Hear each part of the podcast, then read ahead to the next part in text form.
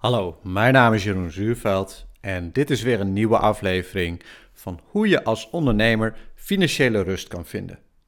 Vandaag een onderwerp afvallen, oftewel financieel afvallen. Nou ja, waarom willen we afvallen? Krijgen er meer energie voor. En het is misschien ook nog wel goed voor je, want als je wil afvallen, dan moet je natuurlijk ook uh, minder geld uitgeven aan ongezonde dingen. En uh, nou ja, doordat je meer energie hebt, kan je misschien anderen ook meer helpen. Deze analogie geldt zeker ook als je financieel gaat afvallen. Want waar heb ik het dan over? Ik kom regelmatig klanten tegen die nou, de meest uiteenlopende uitgavenpatronen hebben. En ik zie soms uitgavenpatronen van 1000 euro per maand, maar ook meer dan 10.000 euro per maand en alles daartussenin. En daarmee is ook wel alles oké hoor. Ik, ik heb daar geen oordeel over, over hoeveel geld je uitgeeft.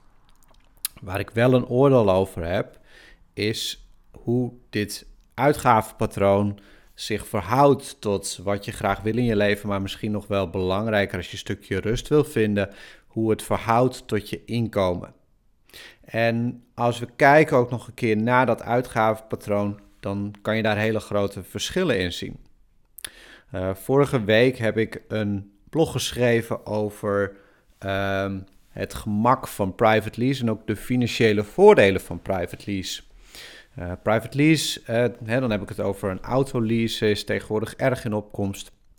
Omdat je op een relatief makkelijke en goedkope manier een, een auto kan uh, bezitten. Het is niet echt natuurlijk fysiek bezit, want uiteindelijk is dat een van de dingen wat het gemak brengt. Uh, de auto is van de leasemaatschappij en jij gebruikt hem. Nou ja, zo zijn er natuurlijk tegenwoordig steeds meer dingen waar we abonnementen op hebben. Het grote probleem uh, van die financial lease of private lease is natuurlijk dat je een verplichting aangaat. En als je kijkt naar uh, het uitgavenpatroon van de gemiddelde ondernemer, dan zie ik dat daar een steeds grotere vaste lasten in komen. Dus we hebben heel veel verplichtingen, zoals leaseverplichtingen. En dat kan natuurlijk heel aantrekkelijk zijn en daarbij ook heel veel gemak bieden, maar het geeft, kan ook een, een bepaalde financiële druk geven. Namelijk de druk om inkomen te blijven genereren. Eh, stel dat je bijvoorbeeld 5000 euro per maand verdient en daartegenover staat bijvoorbeeld uh, eh, 1500 tot 2000 euro aan vaste lasten. Op dat moment heb je natuurlijk ruim voldoende inkomen om die vaste lasten te blijven dekken. En als we dus aan die vaste lasten denken, dan zijn dat overal waar we verplichtingen aan zijn gegaan. Dat kan dus tegenwoordig voor een auto zijn, maar dat kan ook zijn natuurlijk eh, als je een hypotheek hebt, een huur hebt, uh, verzekeringen, uh, allerlei abonnementen die we tegenwoordig hebben. Dat brengt allemaal dat die lasten oplopen. Nou, op het moment dat die verhoudingsgewijs steeds groter deel van jouw inkomen gaan bevatten, op dat moment kan je echt wel een financieel probleem gaan ervaren. Niet zozeer dat je de lasten niet kan betalen, maar meer dat er druk komt op wanneer je moet, dat je moet werken om te presteren. En ja, daarmee vind ik uh, het eigenlijk een enorm streven om je vaste lasten zoveel mogelijk te beperken. Het is voor mij eigenlijk ook uh, de start geweest van mijn eigen financiële vermogen. Ik ben geprobeerd om, om mijn vaste lasten structureel omlaag te brengen. Door bijvoorbeeld te kijken, kritisch te kijken naar verzekeringen, kritisch te kijken naar mijn uitgavenpatroon en vaste lasten en daar zoveel mogelijk op te proberen te beperken. Uh, dat heeft mij een enorme vrijheid gegeven, want op het moment dat je weinig vaste lasten hebt, dan heb je natuurlijk meer ruimte om flexibel geld uit te geven. Het wil niet zeggen dat je minder geld uitgeeft, maar je hebt de ruimte om je uitgaven tijdelijk te verhogen, omdat je ze ook weer makkelijk terug kan brengen.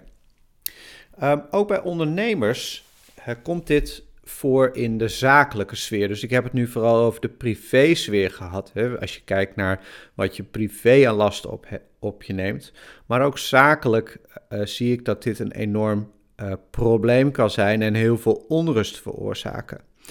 Een, een interessante gedachte hierbij is ook is, als je zakelijk kijkt, is hoeveel omzet je eigenlijk moet genereren en wanneer je die ongeveer gegenereerd hebt, ehm, wanneer je vaste lasten gedekt zijn. dus stel bijvoorbeeld dat je 100.000 euro omzet in een jaar draait en je hebt uh, eh, 40.000 euro aan vaste lasten, ja, dan kost het je dus bijna drie, vier maanden voordat je op het punt komt dat je echt eigenlijk geld gaat verdienen. Dus ook als ondernemer is het juist enorm belangrijk om goed op die vaste lasten te gaan letten. Met name ook omdat wat je ziet bij vaste lasten is dat deze niet altijd heel veel meer waarde hoeven toe te voegen aan je leven.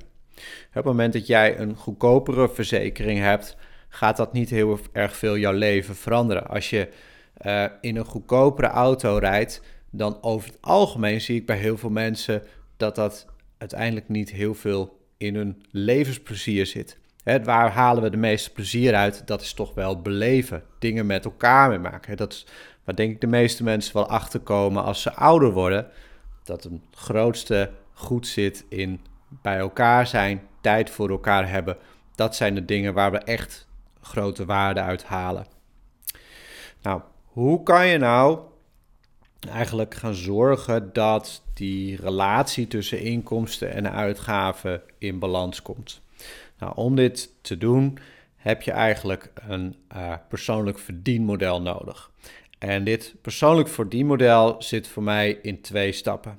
En die lijken heel erg bazaal, maar dat zijn ze zeker niet. Als eerste, eh, wat extreem belangrijk is, is dat als je uh, wil beginnen hiermee, is om die relatie tussen inkomsten en uitgaven op orde te krijgen. Dit kan je natuurlijk door twee dingen doen. Ofwel je uitgaven te verlagen of je inkomen te vergroten. Nou, inkomen vergroten is natuurlijk altijd een optie, alleen heeft vaak wel veel tijd nodig. Je uitgaven beperken is iets waar je direct eigenlijk impact op hebt. Dus kritisch naar je uitgaven kijken, zeker één keer per jaar, wat ik altijd doe, uh, is zeker van belang. En misschien nog wel het, het grootste goed hierbij is om eens een keer een overzicht te maken. Ga eens een, uh, een spreadsheet maken en schrijf eens op, zowel voor je privékant als je zakelijke kant, welke verplichtingen je allemaal bent aangegaan en wat je allemaal moet betalen. Uh, ik, ik merk heel vaak als ik met klanten spreek en ik vraag aan hun hoeveel geld ze ongeveer uitgeven, dan uh, heeft het merendeel geen flauw benul. En die, die schrikt dus ook vaak op het moment dat ze zo'n overzicht maken. Uh, of ik heb klanten, dat een beetje de andere kant, en die kunnen mij eigenlijk, die hoeven niet zo'n overzicht te maken, die weten het gewoon. En die zien ook direct eigenlijk wat ze uitgeven. Uh, vaak zijn dit wel ook de klanten die relatief minder geld uitgeven. Juist klanten die veel geld uitgeven, relatief hè, daarbij zie ik heel vaak dat er ook geen inzicht is. En dat is eigenlijk jammer, want juist bij degenen die veel geld uitgeven, is er meer ruimte om grip te krijgen op je uitgaven. Nou, wat ga je dan vervolgens doen als je structureel geld overhoudt? Wat ga je daarmee uh, doen? Want zet je dat op een spaarrekening of probeer je juist daarmee een stukje financiële vrijheid te krijgen.